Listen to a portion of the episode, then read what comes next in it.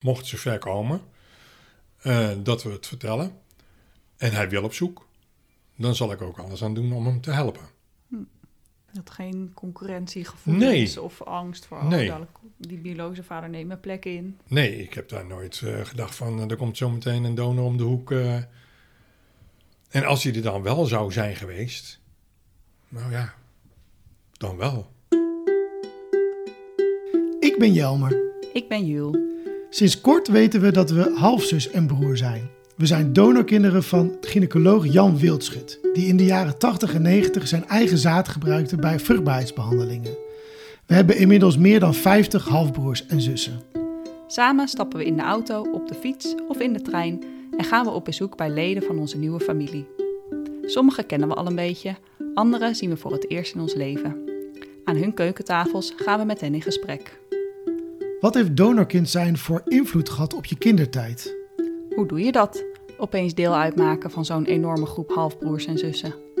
Wat betekent het als de maatschappij jouw ontstaan afdoet als een schandaal? En was het dat eigenlijk wel? Dit is DNA-zaten. Welkom Peter bij ons in de podcast. Ja, normaal beginnen we met eh, waar, waar zijn we? We zijn hier bij mij. Ja, precies. En op jouw verzoek benoemen we dat niet, Nee. waar we zijn. En eh, Peter is ook niet je, je, je, je echte naam. Nee, dat klopt. Ehm, je bent de vader van eh, een van onze halfbroers. Ja. Ehm, kun je iets vertellen over waarom we dit op deze manier doen? Wat jouw keuze daarvoor is? Nou, eh, mijn huidige vrouw heeft, is nogal bekend hier in de, in de regio. En eh, om te voorkomen dat eh, zij wordt geconfronteerd met allerlei vragen eh, op of aanmerkingen waar ze eigenlijk toch geen antwoord op weet, eh, willen we dat zoveel mogelijk vermijden. Daarnaast is het zo dat mijn vorige eh, echtgenoot, die heeft ooit ook een stuk geschreven in een magazine, wat ook anoniem is geweest. En dat respecteer ik. Dus eh, laten we het dan ook eh, zo anoniem mogelijk houden. ja. Ja, Dus eh, vandaar. En eh, mijn tweede kind, die praat liever helemaal niet erover. Hm. En die wil het graag ook anoniem houden. Ja. Ja. dus vandaar deze keuze. ja helder. Heel Vooral begrijpelijk. een beetje om anderen uit de wind te houden Ja, in dit verhaal. ja, precies. Ja. Desalniettemin heb je toch de stap genomen om wel bij ons in de podcast te zijn om je verhaal Ja, te doen. Waar wij super eh, blij mee zijn dat je hier bent. Wat maakt dat je het toch zo belangrijk vindt om het wel te doen? Nou, ik denk dat het, eh, tenminste voor, voor, voor mij, ik wil niet zeggen een uitlaatklep is, maar eh, zeker ook voor mijn, eh, voor mijn zoon, die dus daar we- werkelijk wel voor uitkomt, eh, een ondersteuning is. Daarnaast is het zo dat ik hoop hiermee ooit eens een keer te, te bereiken dat mensen die dus in dezelfde situatie nu verkeren, dat die daar wat opener in zijn naar hun kind. En ik denk misschien zelfs eh, dat het best ook wel mogelijk is dat ze op jongere leeftijd dat eh, eh, bekendmaken aan hun kind, op wat voor manier dan ook, dan dat het zo op deze manier is gegaan. Want Ja. zoals uh, ja, Jelmer zelf ook eh, op veel latere leeftijd erachter is gekomen. Mhm. En eh, die van mij ook. En eh, ja, dat is best heftig. ja. Ja. Dus eigenlijk denk je een beetje achteraf met de kennis eh, van nu, Ja. hoe we het hebben gedaan, zou ik, ah, is mijn boodschap ook aan andere ouders van, goh, luister naar dit verhaal en doe er je voordeel mee, maak misschien andere keuzes. Ja, duidelijk. Mooi dat je hier bent, dapper. Ja. Ja, Eh, wat wel hetzelfde is als bij andere afleveringen die we hebben gehad, is dat we de gast en ook jou dus als gast hebben gevraagd: eh, zou je iets mee willen nemen dat voor jou ehm, ja, iets zegt over dit verhaal, voor jouw symbool staat, voor eh, iets waar je het met ons over wil hebben? Is dat gelukt? Ja, nou, dan hoef ik niet zo ver eh, om te zoeken. oh, Ik heb altijd... Eh, onder zijn overhemd. Wat gaat er gebeuren? ja, Ah. ik heb altijd iets bij me van mijn kinderen. Een kettingje is Oh. het? En dat is eh, hun eerste tand. Een tandje. Oh, Wat bijzonder. Net als zo'n surfer met zo'n haaientand het is aan een ketting, soort. Ja, kun, je, dan kun, jij het, kun jij het Het is omschrijven? een, ehm, een gouden bedeltje met daarin twee melktandjes. Ja. eh, ook door goud omgeven die daarin geklemd zitten. Ja, En die draag je, al, draag altijd bij je. altijd. Wauw. Dag en nacht heb ik hem bij me. Zo. En dat is dus eigenlijk heel iets persoonlijks van hun, Ja, wat ik altijd bij me draag. Ja, ja. mooi. Juist ook omdat je eigenlijk niet een biologische vader bent. Dan hebben we toch bedacht om daar een, een, een vorm aan te geven. Ja, ik ben nog wel benieuwd. eh, toen de melktandjes er langzamerhand eruit gingen komen, zat je ook zo te wachten van wanneer komt er een tandje uit? dat je een soort van zat te, te azen, dat hij niet per ongeluk in, in een appel bleef, steken of zo. Nee, nee, nee. Op een gegeven moment waren ze er gewoon. Ja. En ja, toen heb ik dat zo, eh, dat zo bedacht. Zou je iets kunnen vertellen over, eh, eh, eh, ehm, ja, een beetje een grote vraag misschien, maar hoe is dit verhaal voor jullie begonnen? Jullie verhaal begint natuurlijk eigenlijk eh, met het moment dat je erachter komt eh, dat je, je vader niet je biologische vader is. Eh, en dan komen dan in de loop van de tijd komen daar een stuk of 60, eh, denk ik inmiddels, eh, eh, Ja. Een rollen bij. Ja, En dan is er een, een hoofdrol en dat heet dan eh, eh, Jan Wilsoort. Maar het verhaal begint eigenlijk voor ons natuurlijk al veel eerder. En dat is ooit natuurlijk bij een, een jong stel wat eh, gezamenlijk iets probeert op te bouwen. eh, er op een gegeven moment aan toekomt om een, aan een gezin te beginnen. En een kinderwens heeft. En dan om, eh, om even te antwoorden op jouw vraag, eh, gezellig intiem samen zijn, eh, bepaalde oefeningen doen, en, maar het uiteindelijk dus niet lukt. ja. En dan kom je uiteindelijk bij een, een gynaecoloog terecht. Voor mij persoonlijk was het in zoverre iets makkelijker, omdat ik op vrij jonge leeftijd al erachter ben gekomen dat ik eh, dus niet eh, vruchtbaar was door mijn medische achtergrond. Maar voor een heleboel, eh, zeker vaders, is natuurlijk het moment geweest dat ze daar bij een gynaecoloog, nou ja, je moet daar even plomfloren gezegd, een, een potje vullen in een achterafkamertje, wat natuurlijk helemaal niet zo romantisch is. Maar goed, het, het moet dan. Je vervalt in een traject wat je eigenlijk, eigenlijk niet wilt, maar toch eigenlijk aan de andere kant wel wil. het Want, was- je wilt verder. Want begrijp ik het goed? Het was voor jou niet een, dus een verrassing. Voor mij was het geen verrassing. Oké, ja. Voor mijzelf was het geen verrassing. Nee. Voor mijn vrouw natuurlijk ook niet, mijn eh, voormalige vrouw. Ehm, omdat wij al wisten Ja. aan wie het lag. Ja, En eh, kijk, wij kwamen natuurlijk daar ook eh, op de poli terecht. En dan word je alsnog toch nog weer eens eh, ermee mee geconfronteerd. Ja. En ik kan ook me voorstellen dat het voor eh, heel veel vaders een, een bepaald schuldgevoel heeft gegeven. Mm. ja. En dat, dat, ja, dat is best heftig. Goed, wat, wat, wat gaan we doen? Ga je adopteren? Ga je, geen kinderen? Eh, nou, Ja. eventueel een, een, eh, kunstmatige inseminatie. Nou, geen kinderen is geen, of ik moet niet zeggen geen, geen keuze, maar die Was wens voor is er gewoon. geen optie. Nee. Nee, er was geen optie. Ik bedoel, dat, eh, kijk, een, een, eh, betekent voor mij niet dat een kind een, een bezit is van je. Maar het is wel een verrijking van je, le- van je leven. En eh, je, je groeit daardoor persoonlijk. En dus geen kinderen was geen optie. Adoptie is natuurlijk weer een heel ander verhaal. Met een heel veel andere haken en ogen. En dan heb je de optie eh, kunstmatige inseminatie via een donor. En dat lijkt dan eh, eigenlijk de meest, de meest simpelste. Ja. Ehm, zeker ook omdat je de, het advies krijgt om het vooral later niet te vertellen. Hè? Ah, zoals eh, jullie ook wel v- vaker hebben gehoord. ja, want dit verhaal speelt zich af een beetje eind jaren 80, begin jaren Ja, 90. Eind Ja. jaren 80, want eh, mijn oudste is in eh 90 geboren. Mhm. Dus eh, zeg maar 88, 89. En kun je nog terughalen? Is dit eh, voor het eerst besproken en eh, ja, echt maar aan- aan het bureau bij Jan eh, Wildschut? Of, of was dit idee er sowieso al bij jullie? Wist je al, nou dat, dat wordt het waarschijnlijk Ja. wel? Dat, eh, dat idee was er al wel. Ja. Kijk, en dat komt natuurlijk omdat wij er al langer eh, over na hebben kunnen denken. Mhm. En want jullie hadden er in die zin inderdaad al wat langer op voor kunnen bereiden dan de meeste andere ouders Ehm, was er ook veel informatie over te vinden in die tijd? Kom, Internet was, Nee, dat was was Nee. dat, zo dat was nog niet zo. Nee. Maar kon je er iets over ontdekken van, goh, wat, wat komt er allemaal bij kijken? Of waar Nee. moet je allemaal rekening mee houden? Nee, nee. Nee. er was Nee. eigenlijk nul Nee, informatie we over. zijn bekend. bij ehm, onze huisarts eh, terechtgekomen, die ons eh, eh, heeft doorverwezen. En dan kom je bij, ja, in dit geval bij Jan Wilsert uit. Ja, dat is je enige informatiebron eigenlijk om je... Ja. Ja, En weet je nog iets van de eerste gesprekken met hem? Of, Nou ja, in zoverre dat. eh, ik moet zeggen dat ik, eh, voor zover ik het kan terughalen, wel een prettig gesprek met hem heb gehad. ja. En heeft, heeft hij daarin, werden er de, de- wat, nou ja, precies wat, wat Jules zegt, werd er besproken wat er eigenlijk bij komt kijken inderdaad? Van wat, waar, moet je, wat, waar moet je rekening mee houden? Of wat betekent het voor jullie, eh, eh, eh, eh, jullie hopelijk toekomstige kind? Dat weet ik niet. Ik, ik denk het niet. Ik- het is meer het idee van eh, geweest van, nou, vertel het in ieder geval niet.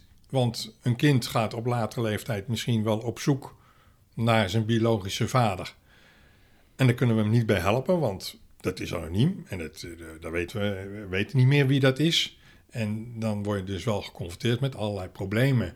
En die wil je eh, misschien wel voorkomen. Ja. Dus hou het vooral voor je. Wat niet weet, wat niet deert, Ja. zeg maar. Precies. Ja. En eh, kijk, dan krijg je natuurlijk het, eh, de uitleg van het, het technische gebeuren. Ja, Ja, ja, dat, dat, eh, dat kunnen we allemaal wel invullen, wat Ja. dat, eh, hoe dat ga- eruit gaat zien. ja, Maar voor de rest, ehm, ik kan me herinneren dat hij ooit zei dat eh, je in aanmerking kwam voor één eh, eenmalige kunstmatige inseminatie. ja. Achteraf is gebleken dat het, eh, nou ja, onze tweede zoon is op dezelfde manier eh, geboren.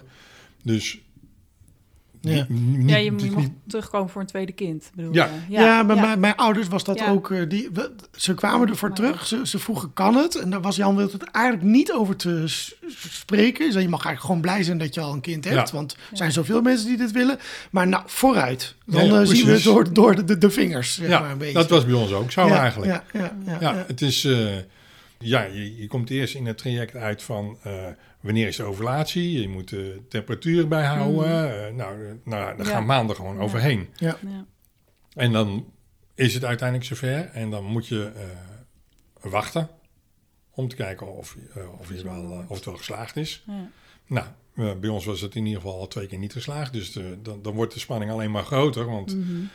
Er werd van tevoren wel gezegd van nou, je krijgt eh, de mogelijkheid voor drie inseminaties. En als het dan niet gelukt is, ja, dan heb je pech. Hmm. Ja, dus, zo- zo is het in mijn belevenis. eh, kijk, het is natuurlijk ruim eh, een goede 30 jaar geleden. Ja, ja, ja, ja, ja. Is dat eh, zo een beetje gegaan? Is het nog... Ik ehm, ja, ik, wel wil, een vraag. ja, ik, wilde ook nog, ik wilde ook nog een vraag stellen, Jules. nou, doe, nou, doe, doe Nee, jij maar voordat dan. we verder gaan naar een volgend thema. Ja, maar ik wilde ook nog hier inderdaad nog een stap Oh, terug een zetten. stapje terug. Ik denk dat wij hetzelfde Misschien willen willen we hetzelfde. Zal ik eens even kijken of we hetzelfde willen vragen? Oh, Zal ik eerst? Wat? Nee, ik wilde vragen. eh, eh, ik begrijp dat, dat in het gesprek, waarschijnlijk zoals je het nu weet terug te halen, de, de, de gesprekken met, je, met, je, met Jan Wildschut, dat daar niet heel veel naar voren kwam van, goh, eh, wat betekent dit eigenlijk voor het, het- voor het kind dat jullie misschien Nee. krijgen? Is dat een, een overweging die nog wel bij jullie, of eigenlijk moet ik niet in jullie spreken, maar bij jou, Peter, nog, nog speelde van, hey, wat gaat dit eigenlijk betekenen voor eh, als we een kind mogen krijgen op, op deze manier? God, die gaat nooit toegang kunnen krijgen tot informatie over waar die van afstand. Nee, het is eigenlijk in, in de basis is het natuurlijk wel een beetje iets heel egoïstisch, hè? Want je Mhm. kiest voor jezelf, voor eh, verrijking van je eigen leven, eh, voor groei, eh, noem het maar op. Dan ga je daarvoor en daar denk je niet zo gauw bij na van wat dan de gevolgen daarvan zouden kunnen zijn. Nee. Als, ik denk dat als je zou adopteren, dat je daar eerder bij nadenkt. En je gaat voorstellen van ja, dan komt een kind, bij wijze van spreken vanuit het buitenland. Het ziet er al heel anders uit. Wat gaat dat betekenen? Ja, en dan En- kan je het ook minder goed verstoppen natuurlijk. Ja. Als een kindje een andere huidskleur heeft dan de Precies. voetenouders. Dan moet je het er wel over hebben. Ja, Ja, en dit, ja, zeker als je het advies krijgt, praat er niet over. Dan denk ik, nou ja, maar kijk, nee. Wel, je, je krijgt van tevoren de vraag van, nou goed, eh, hoe zie je eruit? Eh, blond haar, blauwe Ja, ogen, nou, eh, want daar ging mijn vraag een beetje over. Van, heb je, kon je kiezen of zo? Of kon je voorkeur opgeven van we willen graag een donor die er zo en zo uitziet? Nee, in- in, die eh, zin dat er wel eh, je, je uiterlijke, eh, je, je blond, blauwe ogen of eh, eh, donker of eh, groene Mhm. ogen. Ehm, lengtes, of die nog wel bepalend zouden kunnen zijn. eh, je afkomst. En eh, dan met min of meer de opmerking van ja, we proberen daar toch een passende donor bij te vinden. Op die manier. Ja. Ja. Ik moet er Ja. ook wel nu dan een beetje om gniffelen, omdat ik denk, oh ja, iedereen was in de waan dat er iemand werd uitgekozen voor hun, maar vervolgens heeft hij gewoon 60 keer hetzelfde zaad gebruikt van zichzelf. Of toevallig dan alleen bij de gezinnen die al een beetje op hem leken, maar dat denk ik niet. Nee. Ik denk dat dit misschien achteraf gezien dat dit allemaal een beetje bij een toneelstukje hoorde of zo. Van, Ja, ik denk het wel. voor je En uitkiezen. ik denk misschien achteraf ook, eh, want eh, het leek er natuurlijk al op alsof er genoeg, genoeg donoren waren. Mhm. En dat tenminste, dat, dat kreeg ik wel het Ja, idee. precies, want kennelijk is er keuze. Ja, Ja. Maar goed, je Eh. mocht dan wel weer maar drie keer komen en eh, in principe eigenlijk ook maar voor één kind. Dus daarin sprak wel weer een soort schaarste. We weten natuurlijk alleen van de mensen die aan ons zijn gematcht, Ja. die aan ons zijn gematcht. Maar in dat onderzoeksrapport van Isela stond toen wel dat er ook mensen waren die eh, aan een andere donor zijn gematcht en niet aan Jan Wildschut. Nou, Dus mijn, er mijn waren broer, wel, oh ja, mijn ja, broer is er daar, is daar een van. Ik heb een broer die van een andere, andere Ja. donor eh, afstand, maar wel eh, dezelfde behandeling. Dus de, de- ze waren er wel. Er waren wel andere donoren. Maar dat is bijvoorbeeld bij Jos Beek, de vruchtbaarheidsarts uit Leiden. Die was echt alleen maar in zijn eentje. Er waren helemaal geen donoren. Hij, Nee. Alle vrouwen die bij hem behandeld zijn, zijn met zijn eigen eh, sperma behandeld. Ja, en dat was hier Dat is hier niet. Het eerste wat eigenlijk vervolgens op de tijdlijn gebeurde, je, jullie kinderen werden ge- geboren, groeiden op. Oh, Ehm, ik vond dat, ja, dat vind ik nog wel een van de dingen die inderdaad eerst gebeurt. Je kind wordt geboren ja. en die groeit op. En ondertussen weet jij, hey, dit zijn biologisch eigenlijk helemaal niet mijn kinderen. Heb je daar vaak bij stilgestaan in die kindertijd? Nee, nee. Het, is, het, het speelt natuurlijk altijd wel mee. Maar het is, dat is ook hetzelfde als ehm, wat ik later dus hoorde dat, dat hij de donor was. Het was voor mij gewoon een, een, een naam. Hmm. Het had bij wijze van spreken ook technisch gezien had het mijn buurman kunnen zijn. Of, Ja. of de slager om de hoek. Ik ben eh, vanaf eh, het moment dus dat de inseminaties zijn geweest.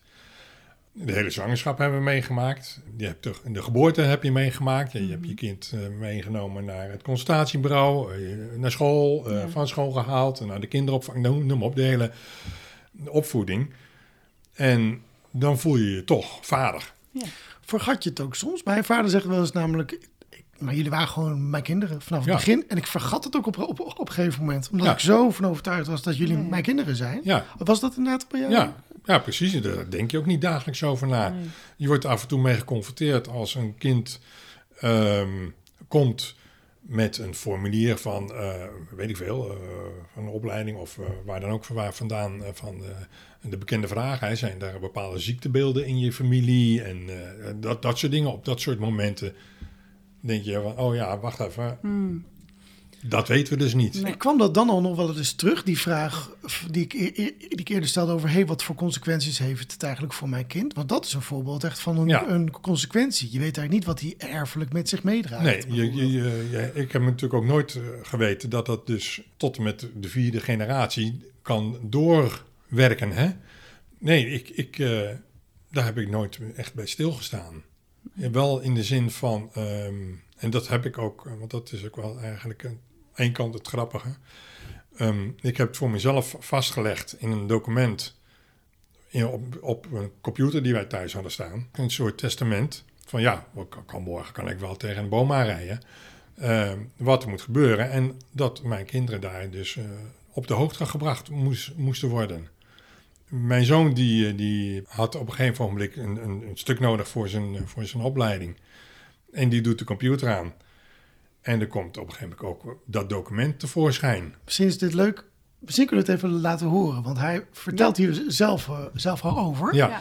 Dus, eh, jouw zoon is bij ons te gast geweest in seizoen 1 van de podcast. ja, ja, dus het is wel mooi hoe die, dat die lijnen dan, dan samenkomen. Ik ben achtergekomen dat ik met een donor verwekt was toen ik ongeveer 13 à 14 was. En eh, lang geleden, in de tijd in 2003 is, eh, toen hadden mensen allemaal had je één computer als gezin. En ik moest op de computer een schoolopdracht doen.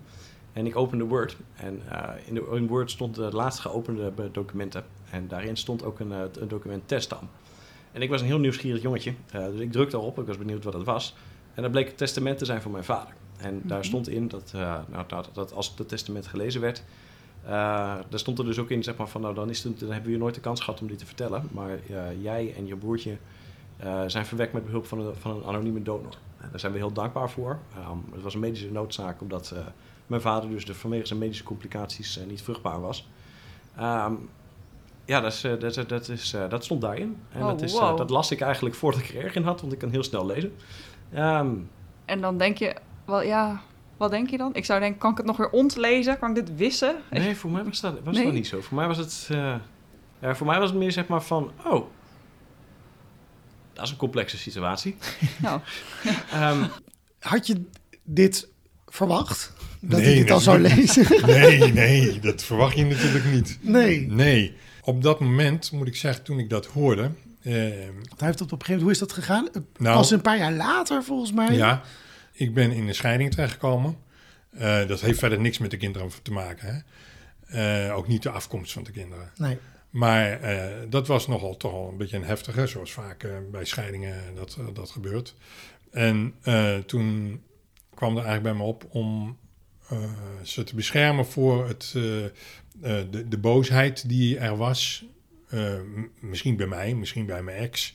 Of dat ze via een ander kanaal te horen zouden krijgen dat ze dus dat ik niet hun biologisch vader zou zijn. oh ja, En je toen- dacht anders kan dat zo nog maar in een ruzie genoemd worden. Maar Ja, hij is toch niet je vader of zo. Ja, weet je, Ja. En, en, en dat kan gewoon gebeuren. Ja, zonder dat iemand dat weet en wil. Hè? Ja, we hebben meerdere voorbeelden in de groep waarin het zo ongeveer is, Ja. eh, Dus is gegaan. Kan, Ja. Dat kan ik me voorstellen. Dus ik, eh, ik heb dat toen bed- bedacht van nou, dan moet ik ze dat gewoon niet vertellen. En toen hoorde ik dus dat hij dat al wist. Ja. Omdat hij dat bestandje een Had paar jaar daarvoor Ja. had gevonden op de computer. En twee jaar daarvoor. Ja. En toen had ik, mijn reactie was echt zo van, oh. ja, dat was wel even bizar. ja. En dan realiseer je eigenlijk wel, ehm, want hij heeft er dus ook twee jaar mee rondgelopen. Ja. Ja. Zonder dat te vertellen en dan belast je je kind nogal. Ja, want hij doet er zelf Hmm. vrij luchtig over. Ja, nee, ik had het gewoon eh, een plekje gegeven. Ik was niet, niet, zo mee, niet zo mee bezig. Denk je dat ook echt? Of denk je, oh, hij heeft... Dit, wat, wat, wat heb ik hem... eh, Aangedaan. ja, ja. Nou ja, min of meer. Kijk, het is natuurlijk eh, zelf eh, realiseer je op dat moment wel dat je zelf ook altijd met een last hebt rondgelopen. Hmm. Maar in dit geval kwam hij er zelf achter. En dan denk je van ja, dat, dan heb je toch wel iemand daar eh, met, met iets opgezadeld. ja. En dat, dat was best lastig. ja. Aan de andere kant was het wel een, een last die, eh, die van je afviel. Mijn last. Ja, van nu is er openheid. Nu is er openheid. Nu hoef ik dit niet meer te Nee. verbergen. Alleen realiseerde ik me wel dat mijn last zijn last was geworden. Ja. ja. Merkte dat- je dat ook aan zijn reactie dan? Nee, niet direct. Maar eh, ik ken mijn zoon natuurlijk. En zoals hij dat al twee jaar lang eh, voor zich heeft gehouden, kan hij dit soort dingen ook heel goed opzij zetten. Hmm. En dan merk je niks aan hem en je ziet niks aan hem. Maar als je dat dan achteraf hoort, dan denk je, ja, dat heeft natuurlijk heeft wel een hele impact gehad. ja, is toch Dat niet kan ook niet anders. Nee. Nee. nee. Ik bedoel, eh, jij hebt het ook later op een veel latere leeftijd gehoord. Nou, Ja. dan krijg je het ook wel een, eh, Dat is zeker Iets te een last. verwerken. Zeker wel. Ja. Ja. Ja. En, en zeker als je het dan nog eens een keer voor je moet houden. Ja. Ja, precies. Want wat bedoel je daarmee? Het voor, het voor je moeten houden? Nou, hij heeft het twee jaar lang voor zich gehouden. Ja, zo bedoel je. Ja, ja. Ik denk inderdaad dat hij het ook heeft gedaan omdat hij dat dan weer niet jullie tot last wilde dat zijn. denk ik. Ja. Dat denk Ja. ik. Ja. Of Ja, toch want, uh, hoe oud was hij toen hij dat ontdekte? jaar of dertien. 13. Ja, 12, Ja. 13 zit je in Ja. een moeilijke, moeilijke tijd. Ja. Ook, Puberteit. ja, je bent je een beetje aan het afzetten van je ouders en dan lees Ja. je dat en denk je, hmm, Ja. Ja, wat doe je en mee? en afzetten naar je, naar je ouders is prima. Hè? Ik bedoel, dat hoort er allemaal bij. Mm. Maar dan krijg je dit over je heen. Ja, het is natuurlijk toch, je bent je identiteit aan het vormen en daar raakt dit nogal aan. Van, oh ja, waar, Ja, wie, ben- wie ben ik en, en wat draag ik met me mee? ja, en dat is net wat je zegt. Wie ben ik? Eh, want ja, en ik ken mijn zoon wat dat betreft goed genoeg. En die denkt daar natuurlijk heel, eh, heel diep over na. En die combineert alles, alle, Mhm. allerlei zaken aan elkaar. Dan is de vraag van, ja, wie ben ik en waar kom ik vandaan? Ja. ja, die vraag kan je je dan goed voorstellen. Dat Ja, dat iets zeker. oproept bij een kind. Ja. ja. Ja, ja. En hoe was dat dan om dan te moeten zeggen, ja, ik snap die vraag. Maar we gaan daar waarschijnlijk geen antwoord op vinden, want eh, er is gekozen voor een anonieme donor. Ja, ik, ik kan me niet herinneren dat dat een. eh, op het moment dat ik dat hun vertelde, dat dat gesprek zo heel diepgaand was. Nee, oké. Ja. Ik weet, ze zijn, ze zijn teruggegaan naar huis. En uiteindelijk heeft hij samen met mijn voormalige vrouw heeft hij eh, contact gezocht met, eh, met, met, met de kliniek, met, met Zwolle. Ja. En toen is er min of meer een balletje gaan rollen. En ja, daar hebben ze in eerste instantie verteld van ja, wij kunnen niks voor jou. Want er staat niks vast, er is niks. eh, Nee, dat is allemaal vernietigd. het is allemaal al- weg. En Dat, ja. dat, al zou er al iets vastgelegd zijn, dan is het er al niet meer. Nee. Dat lag natuurlijk ook helemaal in lijn met de, wat jullie ook verteld was. Ja, Ja, ja. Exact. Ja. Exact. Ik vind het wel mooi om te zien hoe dat beeld zo verandert. Van het moment van die keuze maken en eh, dat de kinderen geboren worden. Dat je eigenlijk nog helemaal niet zo stilstaat bij, oh ja, wat betekent dit eigenlijk voor mijn kind? En dan op een gegeven moment toch de beslissing maakt van, nou, we moeten dit wel ergens vastleggen. Want als we er nou morgen niet meer zijn, dan moeten ze dit toch te weten komen. Ja. Dus dan is er al iets veranderd in, hey, Zeker. eigenlijk is het toch belangrijk. Ko- Komt dat Ja. vooral ook door die vragen van, komen dingen in de familie voor? Of, of wat maakte dat Nou, het verschoof? Nee, dat, dat, dat soort dingen komen natuurlijk eh, eh, naar voren bij dat soort, met dat soort vragen. Bij mij in de familie en, en bij haar in de familie wisten ze natuurlijk ook. En eh, daar werd ook wel eens over gesproken en ook wel eens vragen gesteld. Ja, oh ja, de anderen in de familie wisten het wel en jullie kinderen niet. Ja. Ja, ja. En eh, ja, dat kon ook niet anders. Ja. Want eh, ja, bij mij was alles al duidelijk. Ja, oh ja, natuurlijk. Dat was al. Kijk, het is, het is niet ja. zo dat bij een, een heel nieuw stel in één keer een vader erachter komt dat hij niet vruchtbaar is. Nee, dan hoeft de rest dat natuurlijk helemaal niet te weten. Precies. Ja. Kijk, en in mijn geval wisten ze, nou niet iedereen, maar de, de, de Ja. directe familieleden wisten het al. Ja. ja, nee, dat is zo. Daar heb ik me helemaal niet bij stilgestaan natuurlijk. Maar- Nou ja, des te groter de last die dan Ja. van je afvalt, of, die de, of de last die er in eerste instantie is, dan dat je denkt, ja, iedereen close om ons heen weet hiervan, behalve de, de Ja, twee waar het om kinderen die gaat. eruit voortgekomen Ja. zijn. Ja. Ja. Dat, was bij mij ook zo. En dat, dat vond ik bijvoorbeeld best wel heftig om dat te realiseren. Dat een groot deel van de familie, mijn ooms en tantes, mijn opa's en oma's, het altijd hebben geweten. Ja, Eh, dat vond ik best wel eh, bizar om dat te bedenken, dat het al die jaren zo is eh, geweest. Soms denk je wel eens, oh, dus heb ik dan in een soort van toneelstuk eh, ja, ja. gezeten? ja zo? nou, eigenlijk wel. Ja. Eigenlijk wel. Ik heb ook later begrepen, en dat, dat hebben de jongens ook wel gevoeld. eh, mijn, mijn persoonlijke ouders waren er allemaal niet zo, eh, niet zo voor. En op een of andere manier, ze hebben hun nooit vergeten in, in, met, met een Sinterklaas of met welk feest dan ook.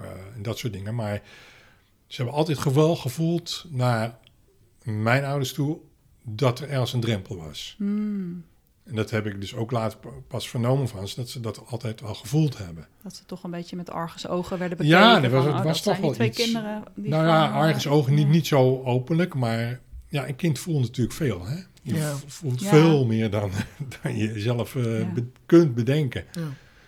En dat is eh, achteraf ook wel gebleken. Dat, en dat is bij jullie natuurlijk net zo al- als al, bij al die andere halfbroers en zusjes. Op het moment dat je erachter komt, vallen op een gegeven moment kwartjes. Mhm. Van, ja, waarom ben ik dit? Waarom doe ik dit? En de rest van de familie niet? Eh, waarom, eh, nou ja, weet ik veel. Waarom studeer ik? De rest hebben, heeft gewoon een leuke baan. En nooit een universiteit eh, bezocht. Mhm. En ik ga allemaal lekker door. En, en ik denk ook dat, dat bij, eh, als je je kinderen opvoedt, dat ze ook gewoon heel veel dingen van jou overnemen. Ja. Mhm. Ja, Ja. en, en u, überhaupt van de moeder, want dat, die is dan wel biologisch de moeder. Ja. Maar dat ze eh, in opvoedingen toch ook vaak van de vader wat overnemen. ja. Het is natuurlijk niet allemaal nature. Het is Nee. ook nurture. Je, je krijgt ook dingen inderdaad mee vanuit je opvoeding en hoe je opgroeit. Zeker. Ja, noem wat. eh, ik hou ook van kaas, maar eh, Hier hebben wij straks nog een vraag over. Maar dat komt, dat komt nog terug. Het is wel een mooi bruggetje naar eh, het volgende fragment eigenlijk wat we wilden laten horen. Want jij zegt, mijn kinderen hebben altijd wel gevoeld bij bepaalde familieleden van... Hmm, daar zat iets van wrijving. Eh, maar jouw zoon benoemt nadrukkelijk bij ons in de podcast... dat hij dat bij jou in ieder geval niet heeft gevoeld. Mhm. Dus uh, toen zette hij ons op de bank en hij gezegd van... Goh, je moet u iets vertellen. Jullie zijn uh, verwekt met behulp van een anonieme donor. Daar waren we heel blij mee. Uh, dat is echt... en hij heeft, dat, is, dat is iets wat hij nooit gestopt is met benadrukken. Dat hij, hoe blij hij was dat hij ons had. Dat, mm -hmm. is ook, dat is iets wat ik ook altijd gevoeld heb. Hoe is het voor jou om dit te horen? Nou, dit is natuurlijk heel prettig. Ja. Ik zal als, als vader zijnde... als niet-biologische vader zijnde... Ik weet, ik weet niet wat een, een, in, in, in emotie of in gevoel een bloedband is. Mm -hmm. Ik bedoel dat dat. Nee, als iemand jij zou vragen, voelt het nou anders dan een biologische vader, ja, dan weet, je dat niet. Nee. Ik weet het niet. Ik weet ook niet of een biologische vader dat uit kan leggen. Nee. Ik bedoel, ja, kijk, ik ben uh, vanaf de geboorte ben ik, uh, ben ik erbij geweest. En voor mij zijn zij gewoon mijn kinderen. Ja. En dan is het goed om dat te horen natuurlijk. En zeker ook omdat ik natuurlijk al jarenlang met de wetenschap bekend was dat ik nooit kinderen van mezelf zou uh, krijgen. En het dan toch gelukt is. ja. Dat je toch een gezin hebt. Dat ik toch Ja. een gezin heb en Ja. toch het gevoel heb van het zijn mijn kinderen. Maar is daarbij de angst er bijvoorbeeld ook wel eens bij je geweest? ehm, dat, dat vertelt mijn vader bijvoorbeeld wel eens. Waarom het ook een reden was waarom ze het lange tijd niet hebben verteld. Omdat hij de angst had op het moment dat wij het zouden weten, dat wij hem niet meer zouden zien als onze vader. Is dat, heeft dat bij jou gespeeld? Nee. Nee, dat kan ik me niet herinneren dat ik op die manier eh, er ooit aan gedacht heb. Ik heb wel al ook meteen ooit wel in het begin gezegd van, mocht ze ver komen, eh, dat we het vertellen. En hij wil op zoek. Dan zal ik ook alles aan doen om hem te helpen. Hm. Dus ja, nee, nee, voor mij was dat... eh, Dat geen concurrentiegevoel Nee. is of angst voor... Oh, Nee. die biologische vader neemt mijn plek in. Nee, ik heb daar nooit eh, gedacht van, eh, er komt zo meteen een donor om de hoek. eh. En als hij er dan wel zou zijn geweest, nou ja, dan wel. Ja, dan had het voor jou gewoon naast elkaar kunnen bestaan. Ja, Ja. het is natuurlijk wat een kind daar zelf eh, van maakt en, van wil. En als je er zelf zo, in die zin, dat klinkt best wel, best ontspannen, dat je daar best wel Mhm. zelf redelijk ontspannen in stond in die gedachten. Mhm. dan, dan, dan, dan kan ik me toch ergens ook voorstellen, maar ik wil je niet woorden in de mond leggen hoor. Maar dat je dan denkt, nou laat ik het achteraf eigenlijk ook wel veel eerder al willen vertellen. Nou. zodat het gewoon een, een feit was. Een, Ja, een- nee, maar ik, ja, achteraf gezien denk ik, oh, eh, had ik het ook wel misschien wel veel eerder. En ik denk ook dat dat veel beter is. Ja. Om dat te doen. Kijk, je kan een kind van, nou, pak een beetje zes, zeven jaar best wel vertellen van, luister, eh, normaal op die manier gaan, dan krijg je, Mhm. krijg je kinderen. Nou, bij papa en mama ging het allemaal niet zo makkelijk. En daar heeft een, een, een dokter mij geholpen. Ja. En dan ga je de uitleg geven die een kind op dat moment aan kan. Eh, en die, die vragen verder vaak niet zo heel ver door. Want die denken van, oh ja, nou leuk, doei, ik ga weer naar buiten. Precies, die neemt Ja, weet je, en die Ja. vragen komen vaak later pas. Ja. En ik denk eh, dat dat veel beter is om te doen. Wat denk je wat voor verschil dat had gemaakt? Ehm, ik denk dat het voor mijzelf eh, een verschil had gemaakt. Mm. Omdat je dan toch eh, de momenten waar je op je de last voelt, dat je die niet hebt. Ja. En een kind die groeit daar langzamerhand mee op. En dan kan je er ook vrijer over praten. Ja. Terwijl het nu een geheim was. Ja. Ja, en ik ben inmiddels wel eh, erachter. eh geheimen komen altijd een keer uit. Ja. Hoe dan ook. Je hoort vaak op een, op een sterfbed dat er nog eens een keer een Mhm, verhaal naar voren mhm. komt waar eh, de hele familie van staat te kijken van oh, Is snap het je? veel beter om de regie te houden over hoe je dat wil brengen. En dat dat op een mooie, zorgvuldige manier. Eigenlijk heb je het beter nu wel een beetje nog gedaan. Je wilde eigenlijk voorkomen dat het in Mhm. emotie een keer zou worden geroepen. En heb dat geprobeerd. Dat is eigenlijk dus ook wat je zegt. Van, ga, ver- vertel het toch, want... eh, anders gaat het misschien op een manier ooit naar buiten komen die helemaal niet fijn is. Ja. ja. Ja, en dan, dan, dan krijg je het of via een ander te horen, of eh, eh, ja, het gaat een heel eigen leven leiden dan. ja. Voor beide partijen zeg je, is het alleen maar beter om het eerder te doen. Dat denk ik wel. Ja. Dat denk ik wel. Ik denk dat we er zo tegenwoordig ook wel in staan. Mag ik het toch hopen dat de, de wensouders van nu daarin heel anders gecounseld worden dan destijds. Maar goed, voor de wensouders die nog een beetje uit jullie generatie stammen. En Eh, heel duidelijk het professionele ja. advies kregen. Ja, hou dit geheim. Eh, is dat natuurlijk een veel moeilijkere stap. Ja, Ja. het was duidelijk zo van ja, ze gaan zo meteen op zoek. Ja, en dan kunnen we ze geen antwoorden geven. Ja, en dat is eigenlijk nog veel vervelender. Ja, Sarah Koster, zij is een van de eh, oprichters van Stichting Meer dan Gewenst, die roze ouders eh, bijstaat in de beslissingen voor hoe kan je een gezin vormen. Eh, en die zegt altijd wel mooi, vaak is het zo in een keuze wat makkelijker is voor de ouders, is ingewikkelder voor het kind. En als je het als ouder ingewikkelder hebt, dan is het vaak voor het kind veel minder ingewikkeld. Dus als je als ouder denkt, oh ik heb geen zin in die donor, dat die in ons gezin een rol speelt, want dat vind ik allemaal gedoe dan is dat voor jou als ouder tijdens de opvoeding waarschijnlijk makkelijker. Maar dan zadel je je kind later op met dat hij dat helemaal nog moet gaan ontdekken. En anderzijds, als je een soort een bekende donor hebt die je al kent, dan is dat misschien veel meer afstemmen en zo in de opvoeding. Maar dan neem je daarbij wel iets weg bij je kind, dat die dat later allemaal nog moet gaan ontdekken. Ja, het zijn mooi, allemaal ja. dilemma's natuurlijk. Ja, hè? Die enorm. allemaal eh, vragen Ja. wat, wat, en wat voor de ene geldt, geldt voor de ander weer niet. Ja. Dat, dat is een, ja, het blijft altijd lastig.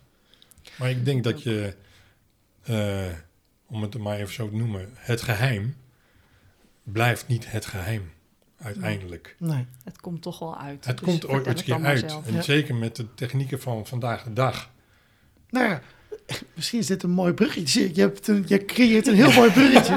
Want ik vind het eigenlijk namelijk, ik vind het best wel heel mooi dat we tot nu toe het eigenlijk vooral hebben gehad over het, het donorkind zijn en over het opvoedvader zijn van, de, van een donorkind. Maar het gelukkig eigenlijk nog niet zoveel hebben gehad over het feit dat Jan Wildschut de donor bleek. Ik vind dat wel mooi, want ik vond het gesprek tot nu toe inderdaad wat dat betreft gewoon heel open en eh, oprecht daarin. Mhm. Eh, maar misschien is het wel goed om dat, dat stukje nu ook te gaan eh, behandelen. Toch? Want dat is het waar we de volgende quote volgens mij van Ja. je zoon over hebben. Komt-ie. En ik, eh, ja, ik ben, dus, ik ben dus naar haar toe gegaan. Ik heb gezegd van, goh, eh, mama, ik moet je toch even wat zeggen. Ik ben net gebeld op het Viom. Zegt de naam Jan Wildschut jou wat? Hij is, eh, hij is de donor geweest. En dat was wel heel wat. Ja. Maar aan de ene kant heb je natuurlijk een kind waar je dol, waar je dol op bent. Ehm, aan de andere kant moet je wel erkennen dat er wel iets heel, heel vreemds en heel verkeerds gebeurd is. Wat, wat ervoor gezorgd heeft dat.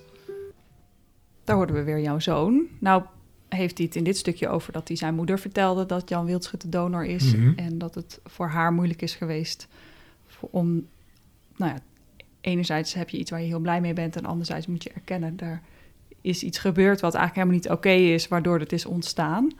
Ehm, hoe kijk jij terug op het bericht dat je hoorde wie de donor was en dat dat de dokter is die jullie heeft geholpen? Ja, dat het, ehm, zoals ik al eerder een keer heb gezegd, is het voor mij een naam. Ik heb daar geen emotionele binding of, of, of ideeën bij. Ik zei al, het had, eh, technisch gezien had het ook mijn buurman kunnen zijn.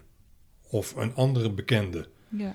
Dus en, en omdat ik nog steeds die vadergevoelens heb, is dat voor mij ook niet belangrijk. In zoverre van wie dan die donor is geweest. Eh, ik ben er blij om geweest dat er een donor is geweest. En dat we dus zover zijn gekomen dat we een kind of kinderen hebben kunnen krijgen. En dan is de donor is de naam. Hij heeft op een gegeven moment ook gezegd van eh, als ehm, de gynaecoloog in deze veel eerlijker was geweest, Ja. eh, alle ins en outs had verteld, dan hadden ze een keuze kunnen maken. Zijn ouders, wij dus. Ja. Ehm, dat ligt aan wat, wat voor een informatie eh, de gynaecoloog in kwestie eh, dan zou hebben gegeven. Als hij zou hebben gezegd van, eh, nou de donor is je buurman, Mhm. of de donor ben ik, dan denk ik dat ik daar niet mee akkoord was gegaan. Nee. Want dan komt het wel heel dichtbij. En dan wordt die naam, krijgt ook een gezicht. Je, je, je, je zoon zegt, als ze de informatie allemaal hadden gehad, dan hadden ze in ieder geval eh, goed geïnformeerd een keuze kunnen maken. Ja. En jij zat eigenlijk als vervolg daarop. En die goed geïnformeerde keuze had dan misschien ook maar zo kunnen zijn dat we het niet akkoord dan praat mee ik voor mezelf, hè? Ja, ja, precies. En ik praat niet voor mijn, mijn dat is, eh, nee, dat is vrouw. Nee, precies. Bedoel, dat, dat, omdat het dan voor mij persoonlijk eh, toch te dichtbij komt. Ja, ja. En dan is het misschien niet het idee van, nou, die man gaat zich ermee bemoeien. Nee, maar dat, dat plaatje krijg je dan voor je. Ja. Terwijl als zolang het anoniem is, is, is het nou duidelijk een soort van uit elkaar te houden? is heel moeilijk misschien hoor, maar van wat de keuze die Jan Wildschut heeft gemaakt, of de dingen die hij heeft gedaan. Wat daarvan zeg je nou, nou daar kan, dat, dat, daar kan ik best wel mee leven. En wat daarvan zeg je, dat, is, dat voelt, daar zit, daar wringt iets of dat, dat klopt niet. Nou, als ik in eerste instantie, dat is natuurlijk uh, vrij logisch, een hele KIE denk, Ja. Mhm. dat hij daar dus eh, eh, toch ook zijn eigen middel voor heeft gebruikt. En denk ik, ja, dat kan niet. Ja. Dat, dat is godsonmogelijk. Ja. Want eh, stel dat het mij overkomen was, dat ik Ja. wel vruchtbaar was geweest. Alleen Ja. misschien hadden ze het dan moeten wat stimuleren of wat dan ook. En ik krijg achteraf te horen dat ik ook niet, toch niet de biologisch vader ben. Ja. Ja, dat, dat is het ding. Ja. En dat kan niet. Dat, dat, maar goed, dat, dat weten we allemaal. Mhm. Ik zeg dat hij de, de vader is en, en, en dat hij dat zoveel keren heeft gebruikt. Ehm, ik, ik kijk een beetje ook eh, naar het idee, en ik heb zijn levensbeschrijving ook mogen lezen, Ja. dat hij toch ook heel begaan was met, met zijn patiënten. En dus, dus ook wilde helpen. En in, vanuit dat oogpunt kende ik hem ook wel, voor zover ik hem dan echt kende. Mhm. Dat hij dat dan zoveel keren heeft gedaan, Mhm. dan denk ik, denk, ja, dat kan niet. Nee. Dat, dat zijn afspraken die je hebt genegeerd. En Ja. dat, dat mag niet, dat kan niet. Dat, eh, ook, al, ook al waren het niet zwart op wit afspraken, maar het was wel een Ethisch zo'n moreel gevoel. ja, Dat, dat, dat klopt natuurlijk niet. Ja. Maar ja, het, het is. eh, ik heb ook begrepen, ik heb je boek gelezen. Eh, er is natuurlijk ook een heel groot fictief eh, verhaal in, in verwerkt. Toch komt er ook op een gegeven ogenblik een stukje voor dat een van de wettelijke kinderen vertelt van dat hun vader op een gegeven ogenblik toch heeft duidelijk gemaakt dat hij fouten heeft begaan. En dan denk ik van ja, dat typeert hem toch wel. Mhm. En dat hij dan toch op een gegeven ogenblik erachter is gekomen van ja, er is daar toch iets gigantisch eh, Mhm. uit de hand gelopen. helemaal goed gedaan. Ja. En het hoe en het waarom, ja, dat is de Ja, grote vraagteken. Ja. Dus eigenlijk hè, samenvattend zeg je KIE en de hoeveelheid keren dat hij zijn eigen zaad heeft gebruikt, dat, dat kan voor mij echt niet. Dat keur ik heel erg af. Het feit dat hij zelf de donor was, daar kan je nog wel mee leven. Want ja, het kon inderdaad letterlijk iedereen zijn. Dus Hij had ook 60 keer Ja. eh, van een andere donor kunnen gebruiken. ja, ja. Ja, precies. En dat had je dan eigenlijk net zo verwerpelijk Ja. gevonden als dat hij het zelf heeft gedaan. Ja. Je voelt je in die zin niet bedrogen in de behandelrelatie. hè, Want dat wordt natuurlijk vaak aangehaald van hij is te veel doorgedrongen in de persoonlijke sfeer van zijn patiënten. Ehm, voel je dat zo op die manier, dat je door hem bedrogen bent in die zin? Nee, ik voel me niet bedrogen, want hij ehm, heeft eh, duidelijk aangegeven dat hij een anonieme donor zou gebruiken. Ja. Ja. En dat was het verhaal. En voor mij is het tot op het moment dat Ja. het ja, eh, bekend werd, was het altijd anoniem. Dat, die gedachte deel ik wel met jou hoor. Dat ik denk, ja, Technisch het, gezien. het had iedereen kunnen zijn, Ja. kunnen zijn. Wat maakt het uit dat het zijn zaad is, dat hij de donor was? Ja, dat En daar voor komen mij natuurlijk- persoonlijk niet zoveel. Kijk, Nee. dat het 60 keer is gedaan Precies. en KIE, Ja. daar zit inderdaad... de de, de pijn. De discrepantie voor in de- mij? ja, Ja. Maar goed, ook dit zou voor iedereen anders zijn. Er zijn misschien ook mensen die wel denken... ik vind dat echt een afschuwelijk idee... dat de behandelend arts zelf heeft gedoneerd. nou, Maar dat, Ja, mijn oudste zoon had dat in het begin ook. ja. Heel sterk. Ja. En mijn jongste zoon nog steeds. Nou, ik moet zeggen, ik heb het ook wel eventjes gehad. Op de dag dat ik het nieuws las, dacht ik wel, gadver. Dan, oh, dat wil je gewoon helemaal niet indenken... dat een dokter daarmee bezig is... terwijl hij jou aan het behandelen is. Ja. Maar goed, dat zijn aannames. Ja. Ehm, nou, of hij dat zo heeft beleefd, dat, dat weet je natuurlijk niet. Wat ik nog interessant vind, je geeft ook net aan, inderdaad. eh, ik kan mij het eerste contact met jouw zoon ook nog, nog herinneren als dat hij, dat hij best wel eh, boos was. Ja. Ehm, begreep je die boosheid? Voelde je die zelf ook? Of begreep je het bij hem? Ja, ik begrijp het wel. En zeker ook omdat eh, het feit dat het dus 60 keer gegaan is. En dat dat niet... Want mijn, mijn zoon is echt van de regelgeving. Hè? De, Ja. de, wat je afspraak, afspreekt, dat doe je. Ja. En daar stap je niet overheen. En dat is dus wel gebeurd. En dat, Daar zit de pijn. daar voor zit de pijn bij Ja. hem, denk ik.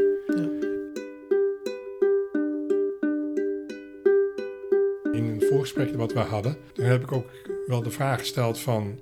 eh, al die kinderen die geboren zijn, die ouders hebben heel vaak hebben een geboortekaartje Mhm. verstuurd naar de poli. Ja. Wat heeft dat ooit met hem gedaan? Ja. Ja. ja. En toen vertelde hij van ja, hij hield er wel bij van waar een kind was geboren. Ja, volgens mij hadden ze op de afdeling gewoon een kaart van de omgeving Zwolle. En als ze een geboortekaartje binnenkregen na een vruchtbaarheidsbehandeling, dan kwam er een uh, punaise Een prikketje, eh. van, oh nou, we, we hebben als afdeling weer een kindje op de wereld. Maar gezet. deden dat de, de, het- het personeel of, of hij zelf? Geen idee. Stel dat voor dat dat gewoon in de koffiekamer hing of zo. Nou ja, dat, dat ze dan, nou, we hebben, er is een kind geboren in Kampen. En dan Ja. een vlaggetje bij Kampen bijvoorbeeld. ja, nee, maar, goed, maar er is ook een verschil hè, of hij dat zelf nou heeft gedaan of dat personeel Ja, dat doet. Ja, Hè? of dat hij zelf iets bijhield. Ik, ik heb me toen dat wel afgevraagd naar de hand van wat heeft dat ooit gedaan? Ja, Want hij heeft dat natuurlijk ook gezien in die, nou zeg maar, in de koffiekamer. ja. En eh, het, ah ja, hij moet het zich gerealiseerd hebben. ja, tuurlijk, Ja. tuurlijk. Luister nog voor de laatste keer nog even naar een eh, uitspraak van je zoon. Mhm. Maar één ding wat ik wel wil zeggen is dat ik... eh, dit, is, dit is nou een van die dingen wat ik vind dus dat ik van, van mening veranderd ben. Want ik denk dat dus... eh, dat, dat inderdaad, eh, met, met de hoeveelheid intensief contact die we dus gehad hebben over de afgelopen twee jaar... dat we inderdaad familie zijn. Ja? Ja. Mooi. Ja. Ja. En ik, Ja, ik vind ik Wauw, mooi. ja, ik En vind ik vind ook het- heel ik- bijzonder. En ik vind, het, ik vind het ook niet iets om rang in te delen als jullie zijn een echte familie, jullie zijn met een half echte familie of zeggen. Zo werkt dat niet. En wat maakt het voor jouw familie? Dat we, zoveel, dat, eh, dat we inderdaad zoveel te delen hebben. Dat is mooi hè? Ja, heel mooi. Hoe, hoe luister jij daar naar? Ehm, ja, ik vind dat, eh, dat, ja, dat raakt me. Ja. Wel, welk, welk onderdeel daarvan vooral? Nou, het, het is ehm, in eerste instantie eh, was hij eh, heel boos daarover en heel expliciet. En we kennen hem, eh, hij is zo, hè, want, want hij kan dingen heel goed scheiden, technisch gedeelte en, en emotionele gedeelte. Ehm, hij heeft daar gewoon ook wat tijd voor nodig gehad om dat te laten zakken. En ehm, dat dan dat, dat stukje eh, emotie bovenkomt, dat, dat is gewoon mooi. Ja. Dat, dat, en dat, je hoort hem daar zelf ook over, dat raakt hem zelf ook. ja. Ben je in die zin blij voor hem dat hij... ehm, deze Dat- ontdekking is gedaan. ja, Ja. Het is, het, eh, hij is eh, wat dat betreft, eh, net, net wat ik zeg, hij, hij kan de dingen heel goed scheiden, maar eh, af en toe krijg je misschien wel eens het idee dat hij te veel op de ene kant zit van het technisch gedeelte, het, het beredeneren, eh, hè, alles op een rijtje zetten. Terwijl de emotie dan niet, dat je het gevoel hebt dat hij daar een beetje van wegloopt of eh, uitschakelt. En nu merk je gewoon in, in de laatste tijd dat dat samenkomt. En dat hij dat als eh, familie ziet, ja, dat is alleen maar mooi. ja. En voor mezelf ook, want dat is toch ook een, een ja, toch ook een last die dan even weer van je afvalt. Wat is die last? Het gevoel misschien van alleen die last moeten dragen. Mhm. En nu heb je natuurlijk een heleboel halfbroers en zussen die allemaal in hetzelfde schuitje zitten. Ja. Die allemaal met ongeveer toch datzelfde verhaal lopen. Ja. En waar je het mee kan delen. Ja. En dat zegt hij ook letterlijk. Ja. Ik kan het delen. Ja. En dat, dat is gewoon hartstikke fijn. Ja. En ik kan me misschien ook voorstellen dat het voor jou voelt. Hè, het was inderdaad heel lang een last. En misschien voelt het ergens ook wel af en toe van: oh, wat heb ik mijn kind aangedaan? Ja. En dat hij er nu ook iets. En dat het hem ook iets oplevert en dat het ook mooie dingen brengt. Ja, Ik kan me voorstellen dat dat ook troostend is. ja. Ja. Ja, het is, het is eh, ehm, wat ik al eerder zei, je hebt hem dus ergens op een bepaald moment ergens mee belast.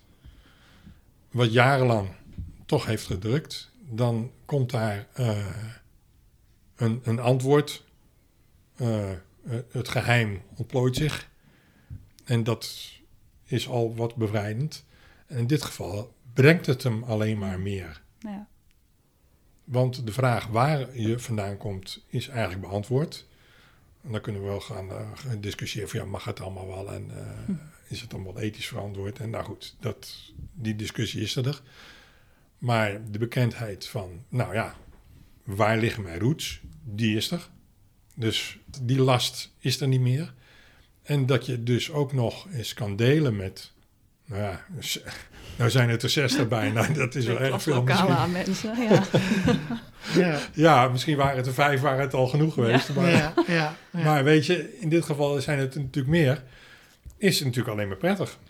En ik heb ook begrepen dat hij binnen jullie groep zich daar toch eh ergens eh, eh, wat extra profileert. eh. Mhm. Dat heb ik altijd heel mooi gevonden. Dat heb ik ook in het gesprek toen met hem verteld. Dat hij, hoe, hoe ja, toch wel boos hij de groep in is gekomen. Met min of meer een beetje gestrekt been, zo af en toe. Eh, zo betrokken is hij nu. Nou ja, betrokken was hij vanaf het begin hoor. Alleen betrokken was toen nog gecombineerd met boos. En nu is het ook nog wel, kan hij die boosheid soms ook nog wel hebben. ja. Maar de betrokkenheid is heel groot. En dat, dat waardeer ik enorm. Dat waarderen volgens mij heel veel mensen eh, heel erg. Ja, maar hij waardeert ook dat hij die boosheid mag uiten. Ja, ja, ja. Ja. Dat- Dat, dat, dat kan allemaal binnen de groep. En Ja. dat, dat is alleen maar hartstikke fijn. ja. Want hoe vaak word je in de maatschappij... Mhm. word je niet afgerekend op eh, van alles en nog wat... ja, Of heeft iedereen wel een mening? Of iedereen die, eh, die weet er het zijn er wel van? ja.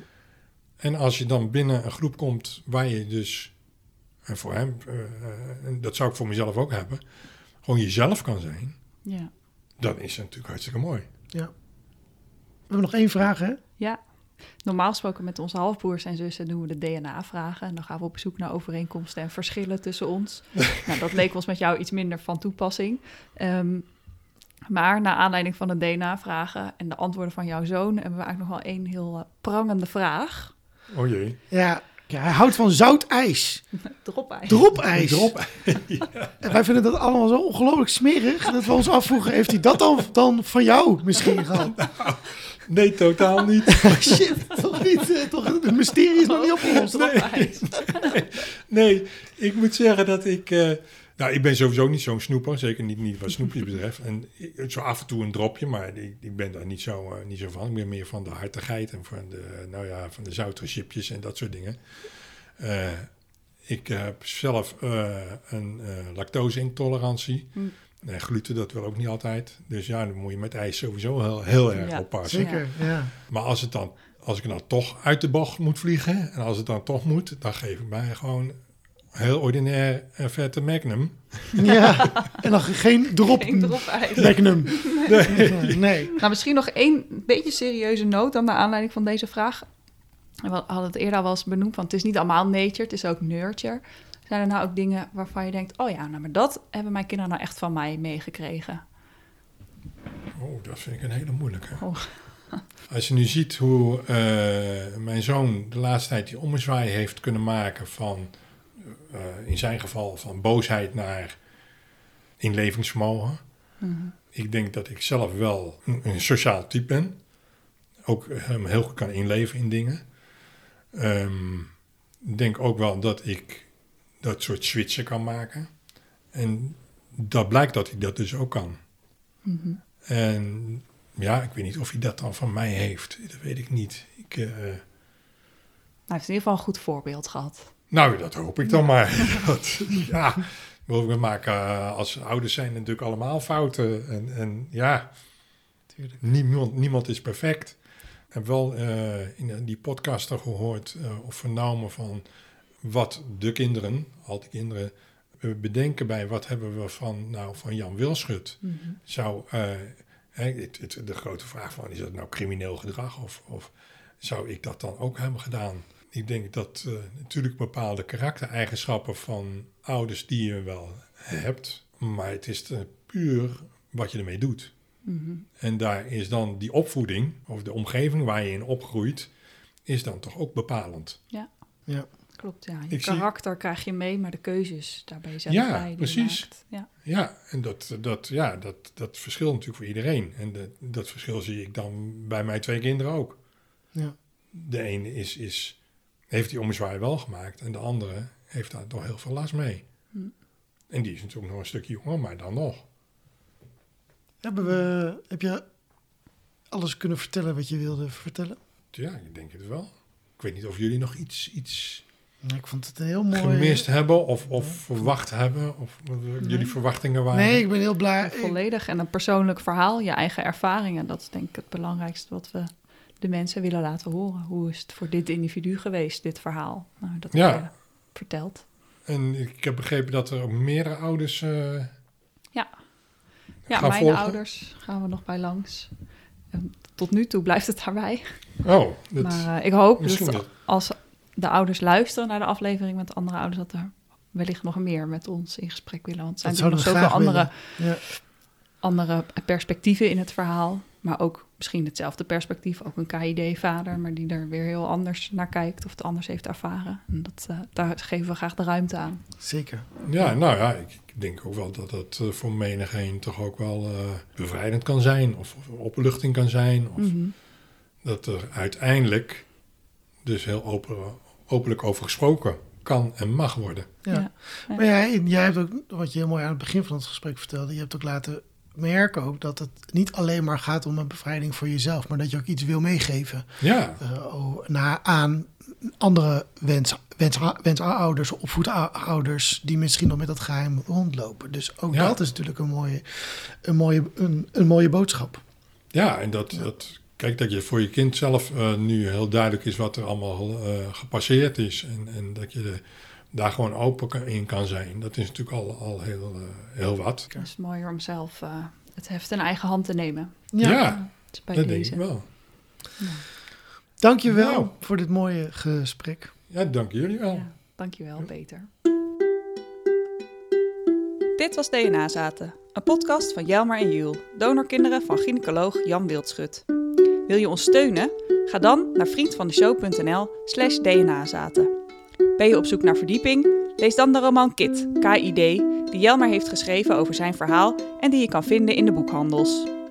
Heb je behoefte aan meer informatie? Kijk dan op de websites van FIOM, Stichting Donorkind en het landelijk informatiepunt Donorconceptie. De linkjes vind je in de show notes en op dnazaten.nl. Wil je ons volgen? Kijk dan op Instagram, dnazaten.